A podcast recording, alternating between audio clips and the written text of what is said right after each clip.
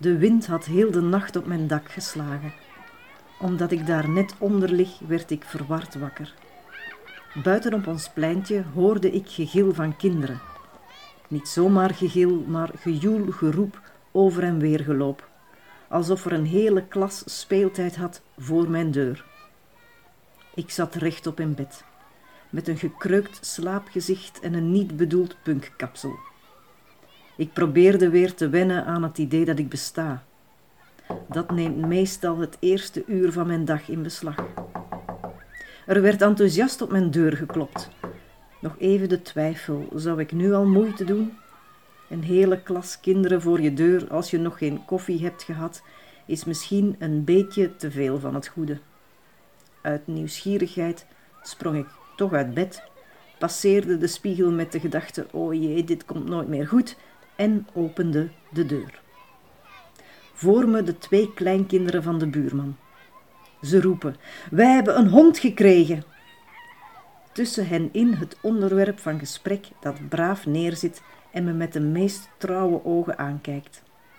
Terwijl de kinderen enthousiast vertellen waar het beestje vandaan komt, wat hij allemaal kan en hoe hij heet, blijft hij me rustig aankijken.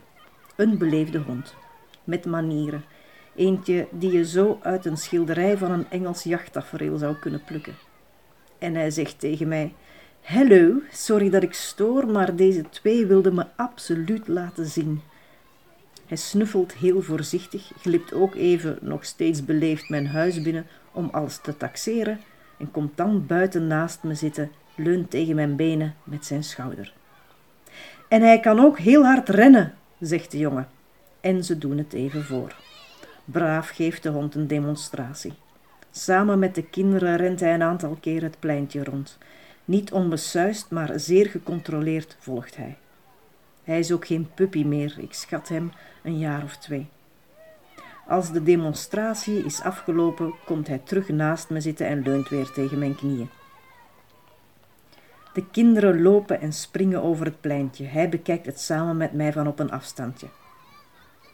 Dan tilt hij zijn hoofd op, kijkt me recht aan en zegt: Ik probeer ze nu een beetje moe te maken, zodat ze straks rustig zijn en goed slapen. Het meisje gilt: Kom, we moeten terug naar binnen.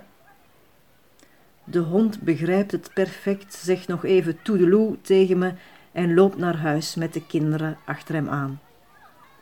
Volgens mij was deze hond niet het kerstcadeau, maar heeft de hond voor kerst twee kinderen gekregen.